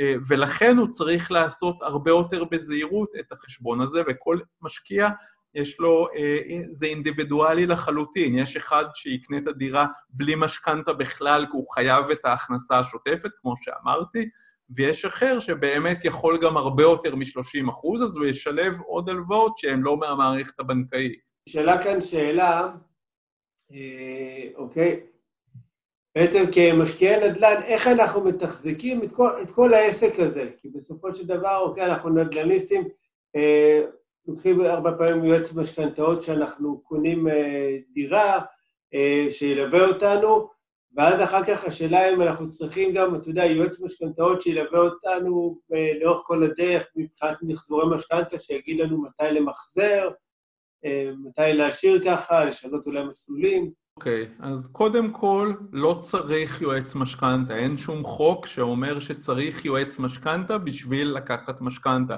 אפשר לבוא לבנק, לקבל משכנתה, לא צריך יועץ משכנתה. אני חושב שאנחנו רוצים לקחת יועץ משכנתה, כי זה מישהו שייתן לנו נקודת מבט אני לא אוהב את המונח אובייקטיבי, כי אם אה, מישהו משלם לי, אז אני לא צריך לשמור על אובייקטיביות, אני לא מהאו"ם, אני אתן נקודת מבט שהיא לטובתו גריידא. אבל כן טוב לנו שמישהו יעשה לנו תכנון כלכלי וידאג שאנחנו נעשה עסקה שמבחינה כלכלית היא העסקה הכי טובה שאפשר. אמ, וזה כמו תיק ניירות ערך, זה לא מספיק שקנינו אותו, אלא בכל שנה אנחנו מסתכלים עליו, ועצם ההחלטה אם להשאיר אותו או לא להשאיר אותו, היא, צריך, היא החלטה דומה לזה שלקנות אה, אותו מחדש למעשה. כי כשלא הייתי קונה אותו היום, אז אני גם לא אה, אמור להשאיר אותו. וזה אותו דבר עם דירה להשקעה. אם יש דירה שאני מסתכל עליה ולא הייתי קונה אותה, אז יכול להיות שגם לא כדאי להשאיר אותה אצלי ב, ביד. כן. עכשיו, בתוך הדבר הזה שאלת אמנם על יועץ משכנתה, אבל זה לא רק יועץ משכנתה, זה צוות. אם אני משקיע, אז אני צריך שיהיה לי סוג של כוורת. אז יש לי את המתווך שאני אוהב לעבוד איתו ואני תמיד אחזור אליו, ויש לי את העורך דין שאני אה, מחובר אליו והוא מקצועי ואני תמיד אחזור אליו, ויש לי את היועץ משכנתה שאני חוזר אליו, ואם אחת לכמה שנים אני משלם לו על שירות של ייעוץ משכנתה, אז קל וחומר אם אני אבקש ממנו לבדוק האם צריך לעשות מחזור על אותה משכנתה שהוא עזר לי לקחת, קרוב לוודאי שהוא לא ידרוש פה אה, תשלום, אבל גם אם כן, זה לא מה שאמור לשנות לי כל כך. זאת אומרת, בסוף... גם אם הוא ידרוש תשלום, זה, זה עניין של כמה מאות שקלים. זה, זה מדהים בעיניי שאנשים לפעמים, בשביל לחסוך את האלף שקל, יכולים להפסיד את המאה אלף. וזה כן. לאו דווקא, או בשביל, כשהם רואים עמלת פירעון מוקדם של עשרת אלפים שקלים לבנק, אז הם לא מבצעים מחזור שהיה יכול לחסוך להם פי חמש. בסדר? אז תמיד אנחנו צריכים לשים, לכל דבר יש לה עלות ותועלת. כשיש לנו את העלות מצד אחד בצורה ברורה והתועלת לפעמים יותר מעורפלת, אז אנחנו מסתכלים רק על העלות, וזה טעות, ואותו דבר גם הפוך. כשיש לנו רק את התועלת כאילו ברורה, אז אנחנו אה, לפעמים שוכחים מהעלות. אני רואה קוקה קולה, זה נורא נורא טעים, ואני שוכח שיש לזה עלות לשנים קדימה. כן. בסדר? אז צריך לשים לב לדברים האלו, וזה בכל תחום בחיים אה. עובד ככה. כן. אתה גם נגעת בכלל בנקודה מאוד אה, חשובה, באמת כל הנושא של בנייה של צוות. זאת אומרת, גם אנחנו עוד לפני שבכלל התחלנו ללוות משקיעים, שזה לא כל כך היה אה, אצלנו במחשבה, בנינו לעצמנו צוות, אנחנו לא משקיעים קרוב לבית, יש לנו שעה נסיעה עד הפריפריה, ואוקיי, היה חשוב לנו שבאמת יהיה לנו הכל מהעורך דין המקומי, אה, השיפוצניק, הספק של הדלתות, מטבחים, הכל, קודם כל בשביל הנכסים שלנו, שלנו יהיה קל מאוד לתפעל את כל העסק הזה. אחר כך, כשכבר התחלנו ללוות באמת משקיעים, אז הם גם נהנים מכל האופרציה הזאת, מכל הצוות שלנו. אבל היועץ משכנתאות הוא חלק בלתי נפרד מהצוות. זאת אומרת, זה מישהו שהרבה פעמים אני גם מתייעץ איתו, שהוא אה, בעצם בסופו של דבר עושה לי את התמלילים. אני חושב, עוד פעם, אה, כמשקיעים, חשוב לנו מאוד ונחוץ לדעת את השפה המקצועית של המשכנתאות. זאת אומרת, גם כשאנחנו עובדים מול יועץ משכנתאות, שלא נהיה, אוקיי, בלי ידע בכלל, ואם אנחנו בכלל עושים את זה לבד בעצמנו, שנדע איך לגשת לבנקים ולדבר איתם. והשפה, אם אתה יודע מה זה פריים, או שעכשיו הבנקאי אומר לך, שמע, אני נותן לך פריים אה, מינוס 0.3, אה, ואתה מסתכל עליו ואתה, ולא ברור לך מה, מה הוא בכלל אמר, אז אתה, אתה יודע, קל מאוד, אה, איך נגיד את זה בשפת העם, להשחיל אותך. דיברת ש... על זה שאשתך היא אחות, אז בתחום כן. הרפואי בחנו את זה המון פעמים. לי, אם יהיה, כאב, אם יהיה לי כאב בטן, אז לא יהיה לי ספק שאני הולך לרופא.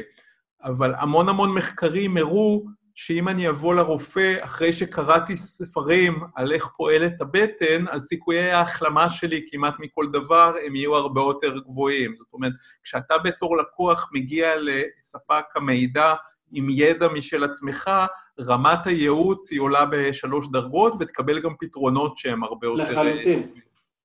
אני, אני יודע את ההבדל, זאת אומרת, גם במשכנתה הראשונה שלקחתי, היה לי ידע, אני חושב איזה חודש פשוט כל מה שקראתי זה היה כל מה שקשור למשכנתאות, אה, אבל אני שם לב, אני רואה שממשכנתה למשכנתה, ממחזור למחזור, אני מבין טוב יותר גם את, ה...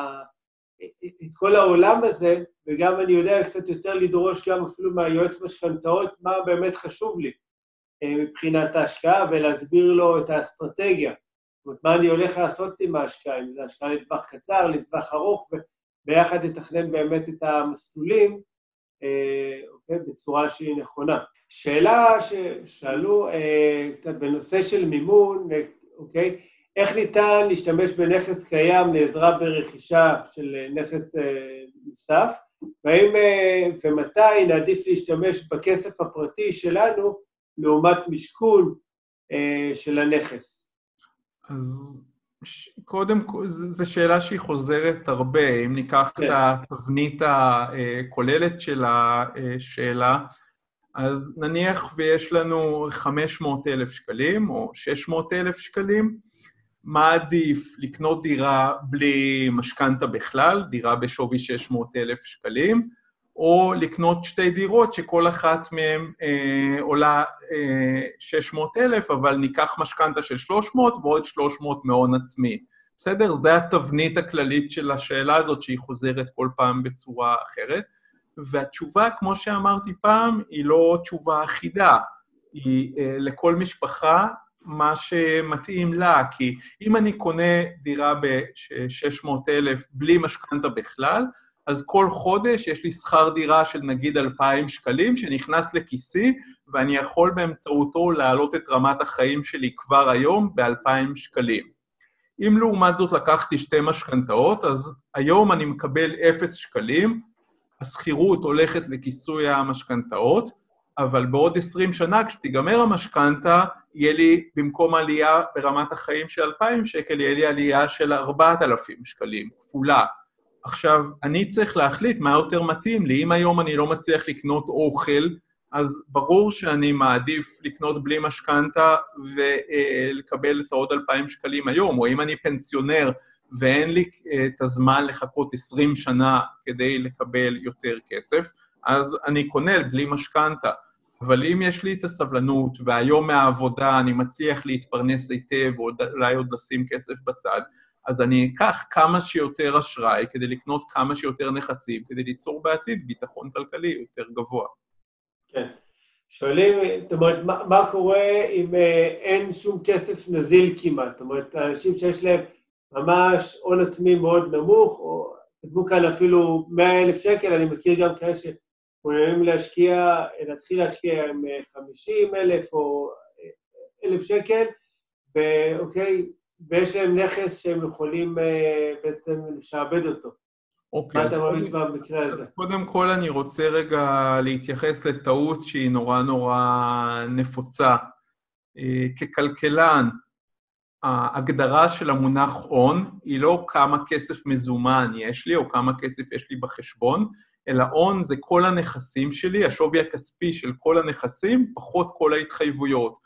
זאת אומרת, אם אני גר בדירה שיש לי עליה, אה, ששווה מיליון שקל ויש עליה משכנתה של 100 אלף, אז ההון שלי באותו רגע הוא 900 אלף. אם נוסיף לזה עוד 100 אלף שיש לי בחשבון, במזומן, אז ההון שלי הוא מיליון שקלים. אז קודם כל נדבר בהגדרות שהן נכונות. כי אותו אחד שנראה לו שיש לו מעט מאוד כסף, כי יש לו רק 100 אלף שקל או 50 אלף, בעצם יש לו הון של מיליון שקל, בסדר?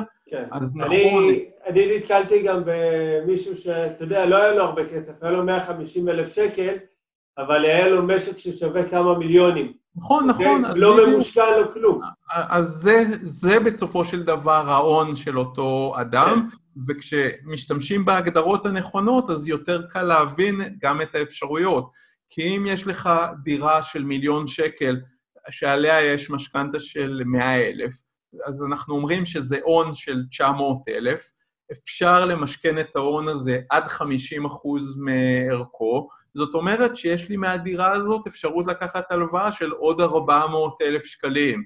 יחד עם 100 אלף שיש לי, ועוד 50 אחוז מהדירה שאני רוכש, עקרונית אני יכול לרכוש דירה שהיא דירה מצוינת להשקעה כבר, כן? 400 ועוד 100, 500, עוד 50 אחוז מהדירה, נגיד שהיא אה, 800 אפילו, בהחלט אין לי בעיה לרכוש אותה, ככל שאני יודע להחזיר את כל ההלוואות האלו ש... בדיוק. עכשיו, אתה, אתה אומר, אה, אם אני יודע להחזיר, זאת אומרת, הרבה אנשים, אוקיי, ומשקיעים, תמיד עולה הסוגיה של אה, תזרים שלילי, אוקיי? בעצם בעסקה. אין שום משמעות מבחינת כדאיות ההשקעה לשאלה אם השכירות מכסה את המשכנתה או השכירות לא מכסה את המשכנתה. יכול להיות עסקה שבה השכירות מכסה את המשכנתה, אבל היא עסקה קטסטרופלית מבחינת כדאיות, כי התשואה שלה מאוד מאוד נמוכה, פשוט לקחנו משכנתה להמון שנים, אז השכירות מכסה אותה, ויכול להיות עסקה שבה הסירות לא מכסה את המשכנתה והיא עסקה מעולה, פשוט לקחנו את המשכנתה רק לחמש שנים, אז ההחזר שלה הוא הרבה יותר גבוה מהשכירות. זה בכלל לא מדד, השאלה אם השכירות מכסה את המשכנתה, כן. זה רק התייחסות שאנחנו צריכים לעשות מבחינת התוכנית העסקית שלנו. אם אני רוצה, כמו שאמרתי, כבר בעוד חמש שנים שרמת החיים שלי תעלה, אז אני אקח משכנתה מאוד קצרה כשתיגמר בחמש שנים. בסדר? אני, אני אגיד לך מה אני הרבה פעמים גם עונה למשקיעים. אני אומר, תראו, את, את, אתם כרגע, מה שעוצר אתכם זה התזרים השלילי שיש של 500 שקל בחודש, אבל אתם אומרים, בואו, תן לי עכשיו עוד שנתיים, שלוש להתחיל לחסוך. לשים אלף שקל בחודש עכשיו חיסכון, שיהיה לי את הפער הזה שאני צריך לקנות את הנכס. אבל כמה דברים שלא לוקחים בחשבון, שאחד, אפשר לקחת את ההלוואה כבר עכשיו עם החזר שלילי של 500 שקל, שהוא יהיה בעצם חלק מהתוכנית חיסכון. כי מה שקורה אם אתה חוסך עכשיו אפילו 500 שקל בחודש, בעוד למשך שלוש שנים, כי זה הסכום שחסר לך, בעוד שלוש שנים מחירי הדירות הולכים גם להשתנות. סביר להניח שהם ישתנו, דברים ישתנו, ישתנו בשוק, וחוץ מזה, יש לך כבר שלוש שנים שאתה כבר מחזיק בנכס, שאתה במשחק, אז לפעמים עדיף גם החזר שלילי, אוקיי? כל עוד אפשר באמת לעמוד בו, אבל להיות בתוך המשחק ולהתחיל להתקדם. אז קודם כל, להיות בתוך המשחק או להיות על המגרש זה דבר שהוא תמיד חשוב. אנשים עוברים שנים על גבי שנים בקורסים והתלבטויות ואף פעם לא עולים על המגרש, וזה כמובן לא טוב. כן. אמ, אבל אני רואה, בתור כלכלן, אני רואה את הדברים טיפה שונה. זה הרי כל ההתייחסות לאיך זה תזרים שלילי או חיובי הוא קצת אבסורדי. אמ, כל אחד מפה, אם הייתי מציע לו תוכנית חיסכון עם 8 אחוזי ריבית בשנה שהוא, אה, שאני עושה אצלי, אמ, אז הוא היה שמח לתת לי כל חודש אלף שקל, אני מניח, ככל שהוא מסוגל. 8 אחוז קשה להשיג בשום מקום אחר. אבל זה גם תזרים שלילי. כל חודש מוציא מהכיס אלף שקל, בסדר? זה תזרים שלילי, כדי שבסוף יהיה לו איזשהו משהו ששווה הרבה יותר. אז למה כשזה תוכנית חיסכון זה נראה הגיוני שיהיה לי תזרים שלילי? כן, כמו קרן השתלמות, אתה יודע. או עשר שנים, וכשזה השקעה בנכס זה פתאום לא הגיוני תזרים שלילי? זה, זה ככה בגלל שאנחנו אה, עובדים בתבניות, ועם חוסר ידע כללי, אה, כלכלי מספיק על כל העלות ותועלת וההשלכות של כל אחד מהמהלכים. ואם היינו באים באמת עם ידע יותר מלא, אז שאלת התזרים היא חלק מתוכנית עסקית שאנחנו עושים, היא בכלל לא מעניינת מבחינת קריטריון החלטה. נכון. זאת אומרת, הזמן שייקח לי סתם לחסוך 50 אלף שקל, בזמן הזה, אם אני יכול לקבל את זה בצורה של מימון, גם אם אני אחזיר, אה, זאת אומרת, יהיה לי תזרים שלילי, אבל בעצם בסופו של דבר זה חיסכון הפוך. אני קודם כל מקבל את הכסף, ואחר כך מתחיל אה, לחסוך אותו. ככה אני מסתכל על זה. אבל התקדמתי, יש לי עוד נכס ואז עוד נכס, ועוד פעם, כמובן הכל צריך להיות uh, מותאם ליכולת הפיננסית שלנו, זאת אומרת, גם לא להיכנס למינופים שהם גבוהים מדי, שלא נוכל לעמוד בהם. זה כבר כל אחד צריך תמיד להסתכל ו- ולעשות את הניתוח הנכון uh, אוקיי? ליכולת החזר שלו, אוקיי? אה, בוא נראה ככה, שאלה של אה, אליה. יכול להיות אה, שמצב, יכול להיות מצב שבו מחירי הדירות יורדים, אך המדד עולה, וגם הקרן של המשכנתה במידה שהיא אה, צמודה או לא, אה, אוקיי? מה זה? ואז נוצר מצב שקצת דומה לארצות הברית ב-2008? אז, אז אני אגיד ככה, א', יכול להיות שהקרן תעלה, והמדד יעלה ומחירי הדירות ירדו.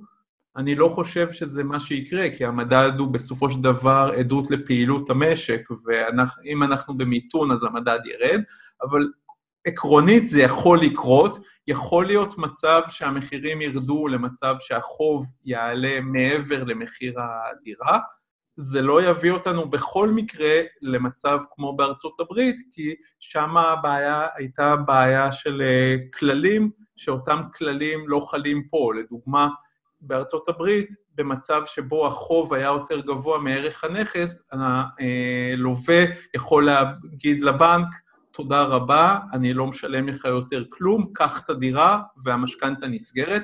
בישראל, גם אם זה יקרה, שהחוב יותר גבוה ממחיר הנכס, אז אה, זה שהבנק מעכל את הנכס לא אומר שהוא לא ימשיך לגבות את יתרת החוב מהלווה, ולכן ללווה לא יהיה אה, אינטרס לעשות את זה. אה, ואפשר לדבר גם על עוד הבדלים. בארצות הברית, הדבר היותר משמעותי מהדבר הזה, זה שבעצם לבנקים לא היה שום אינטרס להיזהר מלתת הלוואה לאנשים שהם בטוחים שלא יחזירו אותה. למה? כי הם מכרו הלוואות שהם יודעים שלא יחזירו אותם, הם אפילו המציאו לזה שם, הלוואות נינג'ה, no income, no job, אנשים שאין שום סיכוי שיחזירו את ההלוואות, נתנו להם הלוואות עם גרייס לשנתיים, שזה השנתיים שבהם במילא הם לא צריכים להחזיר, אז מבחינת הבנק כאילו אין שום בעיה. אם ערך הדירה בוודאות עולה, אז הבנק גם כאילו לא נפגע, אבל הוא גם לא נפגע עוד פעם, כי את ההלוואות האלו הוא מכר כאגרות חוב לפראיירים אחרים.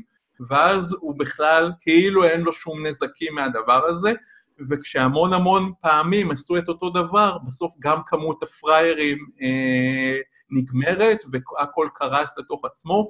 כל הפעילות מהסוג הזה לא קיימת בישראל, ולכן אני לא רואה שום סיטואציה שנגיע לאותו מצב כמו בארצות הברית. כן, יכול להיות מצב שמחירי הדירות ירדו, כן, יש הרבה שאומרים שזה לא סוף העולם, זה למעשה רוב פעולות הממשלה בשנים האחרונות היו כדי לגרום למצב הזה, אז כנראה שהוא לא קטסטרופה כזאת גדולה. אה, כן, שמע, גם אם מחירי הדירות ירדו, אוקיי? אה, כמו בכל, אתה יודע, תחום השקעות, אם זה שוק ההון או לא יודע מה, אז תמיד יש איזה עליות. זאת אומרת, היו גם שנים עברו שמחירי שוק הנדל"ן ירד, בסדר? אבל צריך אה, תמיד להסתכל לאיזה תקופה אנחנו נכנסים להשקיע. זאת אומרת, אם כן. אנחנו קונים נכס לתקופה של שלוש-חמש שנים, אז אולי זה יכול להטריד אותנו, אוקיי? אבל אם אנחנו משקיעים עכשיו לתקופה של 20-30 שנה, אז גם אם תהיה ירידה, בסוף יהיה תיקון לירידה הזאת. אז לפחות אני מהצד שלי ישן טוב בלילה. אוקיי? מעולה. את, את החלק הזה אני סגרתי עם עצמי, ואני חושב שאתה יודע, גם רוב האנשים באמת יודעים שאנחנו מדינה כזאת קטנה, עם מעט עתודות קרקע, אתה יודע, תחום כמו נדל"ן, כמה נמוך הוא יכול לרדת, גם אם הוא ירד. זה גם כמשקיע, בסוף אתה נהנה מהשכירות, כאילו, אם אתה לטווח נכון. ארוך. זה לא כל כך משנה באמת. בדיוק. זאת אומרת, גם אם עכשיו נכסים שלי יחתכו בחצי, השכירות סביר להניח, אתה יודע, תמשיך אה, להיות משולמת באותו סדר גודל, זאת אומרת. א', ב', שוב, זה תמיד מוביל אותנו לאותה נקודה. אנשים כל כך חושבים של מה יקרה אם המחירים ירדו, שהם בסוף לא קונים ולא נה, לא נהנים משום דבר. וזה בכל תחום, במניות, בקולטי שמש לייצור חשמל, בכל דבר שהוא. אנשים חיים בתוך סביבה של חרדות, ואז בסוף הם מוצאים איזשהו קוסם שמבטיח להם, לא יודע, מסחר אלגוריתמי או משהו מופרק לחלוטין לגמרי, אה, ובוא תתעשר תוך שבועיים אם תעשה קורס באינטרנט, ומפסידים הכל. כן. בא בן אדם, זה משעמם, זה כולה עשר שנים צריך לחכות כל פעם, וזה... כן, יש פה שאלה כיצד מטפלים בבעיה של שוכרים שפוטרו ולא יכולים לשלם. כמו שאני מטפל בלקוחות שיש לי צ'קים שלהם והם לא יכולים לשלם. זאת אומרת, בסוף אתה מצד אחד מלטף, מצד שני אה, שוקל מתי להביא את המחבט בייסבול, אין פה כללי אצבע. כן. כולנו בני אדם וכולנו יודעים שיש פה איזשהו אירוע חריג, אז כל מקרה נכון. לגופו. אם, אבל, אבל זה, מתוך זה אפשר להבין לקח שילווה אותנו הרבה, כי אם יש לי, נגיד, ארבעה שוכרים שלא יכולים לשלם, שזה מצב שלא חשבתי שיכול לקרות, או שיש לי כמה לקוחות שפתאום מבקשים אל תפקיד את הצ'ק שלי או כל מיני דברים, אז ברור לגמרי שאני אתנהל אחרת ממישהו ש... אה, גם עד עכשיו כל הזמן היה מציק לי ומטריד אותי, והיה לו בעיות, והיה לי חוסר כימיה מוחלט איתו, לעומת מישהו שהיה זהב עד עכשיו, ועכשיו אני מבין שהוא במצוקה. זאת אומרת, בסוף כן. זה לא כמו שאנשים חושבים, רק המספרים מדברים, או רק זה או רק זה, כי אם מישהו, אה, כשסוחר אומר לו, אני לא יכול לשלם, הוא ילך לפי החוק היבש ויפתח תיק הוצאה לפועל וכל מיני דברים כאלו. הנחת העבודה שלי זה שגם הסוחר הבא שלו יהיה פחות מוצלח מאשר מישהו שהוא היום ילך לקראתו, אם הוא היה בסדר לפני כמובן, ואחר כך תהיה פה מערכת של גם הכרה טובה. שוב, בסוף כן. זה הכל יחסים בין בני אדם, לא רק חושבת... חוזים. אחד הדברים שאני מרבה לחזור עליהם, שבסוף נדל"ן זה אנשים, אוקיי? וזה זה, זה בדיוק הטיימינג הזה של הקורונה, אה, שאם מישהו אין מה לעשות, אחד מהסוחרים שלנו נקלע למצב שהוא לא יכול לשלם, אז אחד, לנסות לבוא לקראת כמה שאפשר. עכשיו, מה שחשוב לעשות זה לעשות תיאום ציפיות כבר מההתחלה, אוקיי? זאת אומרת, אני מאפשר לך דחייה של חודש. זאת אומרת, להגדיר כבר מראש מה אנחנו מוכנים כן לתת. וחשוב גם הרבה פעמים להיות אפילו מוכנים בינינו לבין עצמנו עם התשובה הזאת, למידה שיפגע בנו הברק הזה ונקבל את הטלפון מהסוחר שהוא לא יכול לשלם. שנדע בדיוק איפה, מה אנחנו יכולים לעשות. כן, יש טעות, שוב, הרבה פעמים אנחנו טועים בגלל השפה, ואז אנחנו ממשיכים עם הטעות, גם טעות כלכלית. אנשים אומרים, התשואה מהדירה. מעולם לא ראיתי דירה שכתבה לי צ'ק. אין דבר כן. כזה תשואה מדירה. תמיד זה בסוף, ואין לי... אה, תמיד זה בסוף תשואה מהלקוחות שגרים בתוך הדירה, ובכוונה אני אומר לקוחות ולא שוכרים, כי אני מתייחס אליהם כלקוחות שלי. אז האנשים שגרים שם הם אלו שכותבים צ'ק, ואני צריך להתייחס אליהם כלקוחות ולתת להם יחס טוב, לצפות ליחס טוב, ויחס טוב הוא נמדד בזמנים טובים ובזמנים רעים בסוף. כן.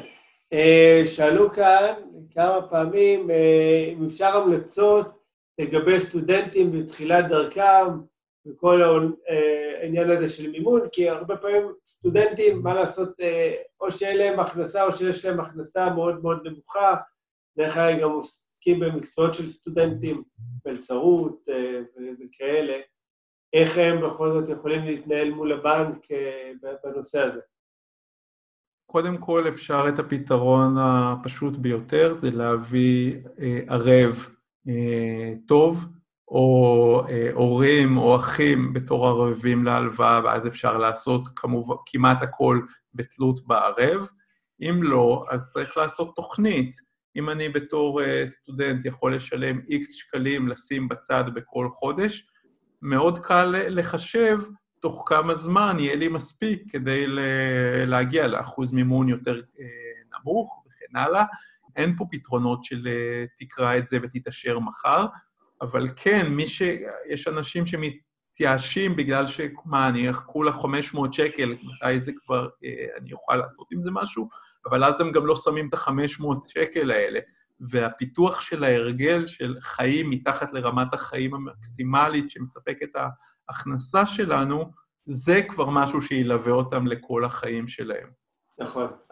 בהדרכה הקודמת, במפגש הקודם שעשיתי, דיברתי על זה הרבה, על, ה, על העניין הזה של לחיות מתחת לרמת חיים הגבוהה שאנחנו כביכול יכולים אה, לחיות בה, וזה בסופו של דבר, ההתנהלות הכלכלית הזאת, היא איפשהו אפילו המפתח שלנו להצלחה הזאת, אוקיי? כי בכלל, תמיד נשאר לנו הון אה, זמין, הון פנוי, שאיתו אנחנו בעצם יכולים אה, ללכת ולהשקיע ולהגדיל את הפורטפוליו נכסים שלנו, ובסופו של דבר גם לאפשר לעצמנו ריבוי של מקורות הכנסה, אפילו חופש כלכלי. קודם כל, שאלה ככה, אני חושב, אנחנו בסופו של דבר בתקופה של הקורונה, ושאלה שאתה יודע, ככה עולה לי, קודם כל, מה צריך לעשות תכלס? בכדי להגיע מוכנים יותר, אוקיי, או להגיע בכלל מוכנים למשבר הבא, כי הוא, ברור שהוא יגיע, בדמות אה, מגפה או בדמות אה, משבר כלכלי, או לא יודע באיזה דמות. מה אנחנו באמת יכולים לעשות, אבל משהו פרקטי, מצעד ראשון, אה, אוקיי? תראה, הבסיס הכי אה, חשוב זה שאנחנו נגיע דרך אגב, ומדינת ישראל בהיבט הזה עשתה ברמת המקרו בצורה מצוינת, ואנחנו יכולים לעשות כל אחד במשפחה שלו.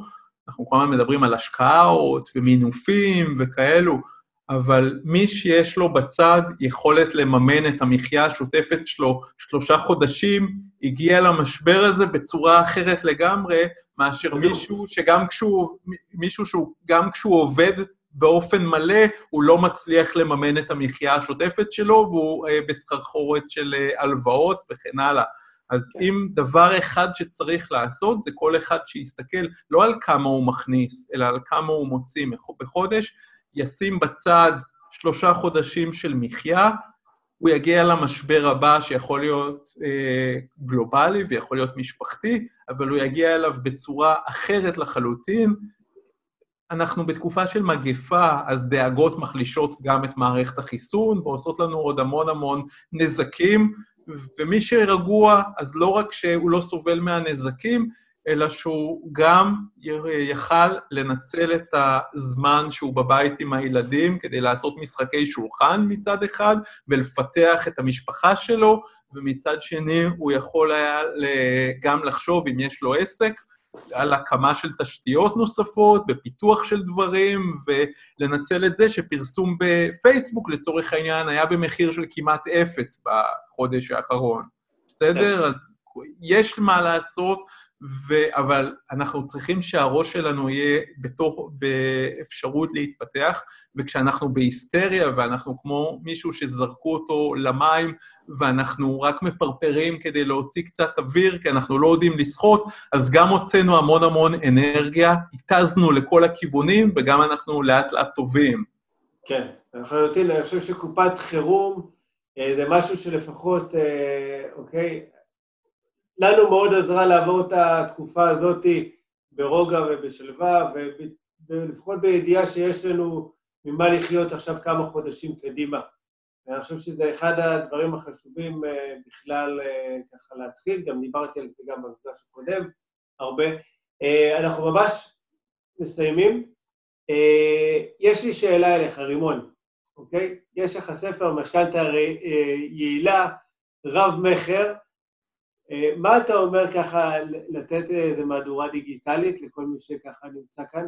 אז אנחנו, אוקיי, אוקיי. התקלתי. אה, כן. אה, אנחנו נעשה... אתה יכול להגיד גם כן. קודם כל, המסך מתמלא, אני, דיברנו על מתנה, המסך מתמלא, זה טוב. אנחנו נעשה ככה, נשארנו חבורה באמת איכותית של 38 אנשים, אז מי שפה ועדיין נשאר, ובאמת נשאר קשוב. עכשיו אנחנו נראה מתוך האנשים שנמצאים מי נשאר קשוב.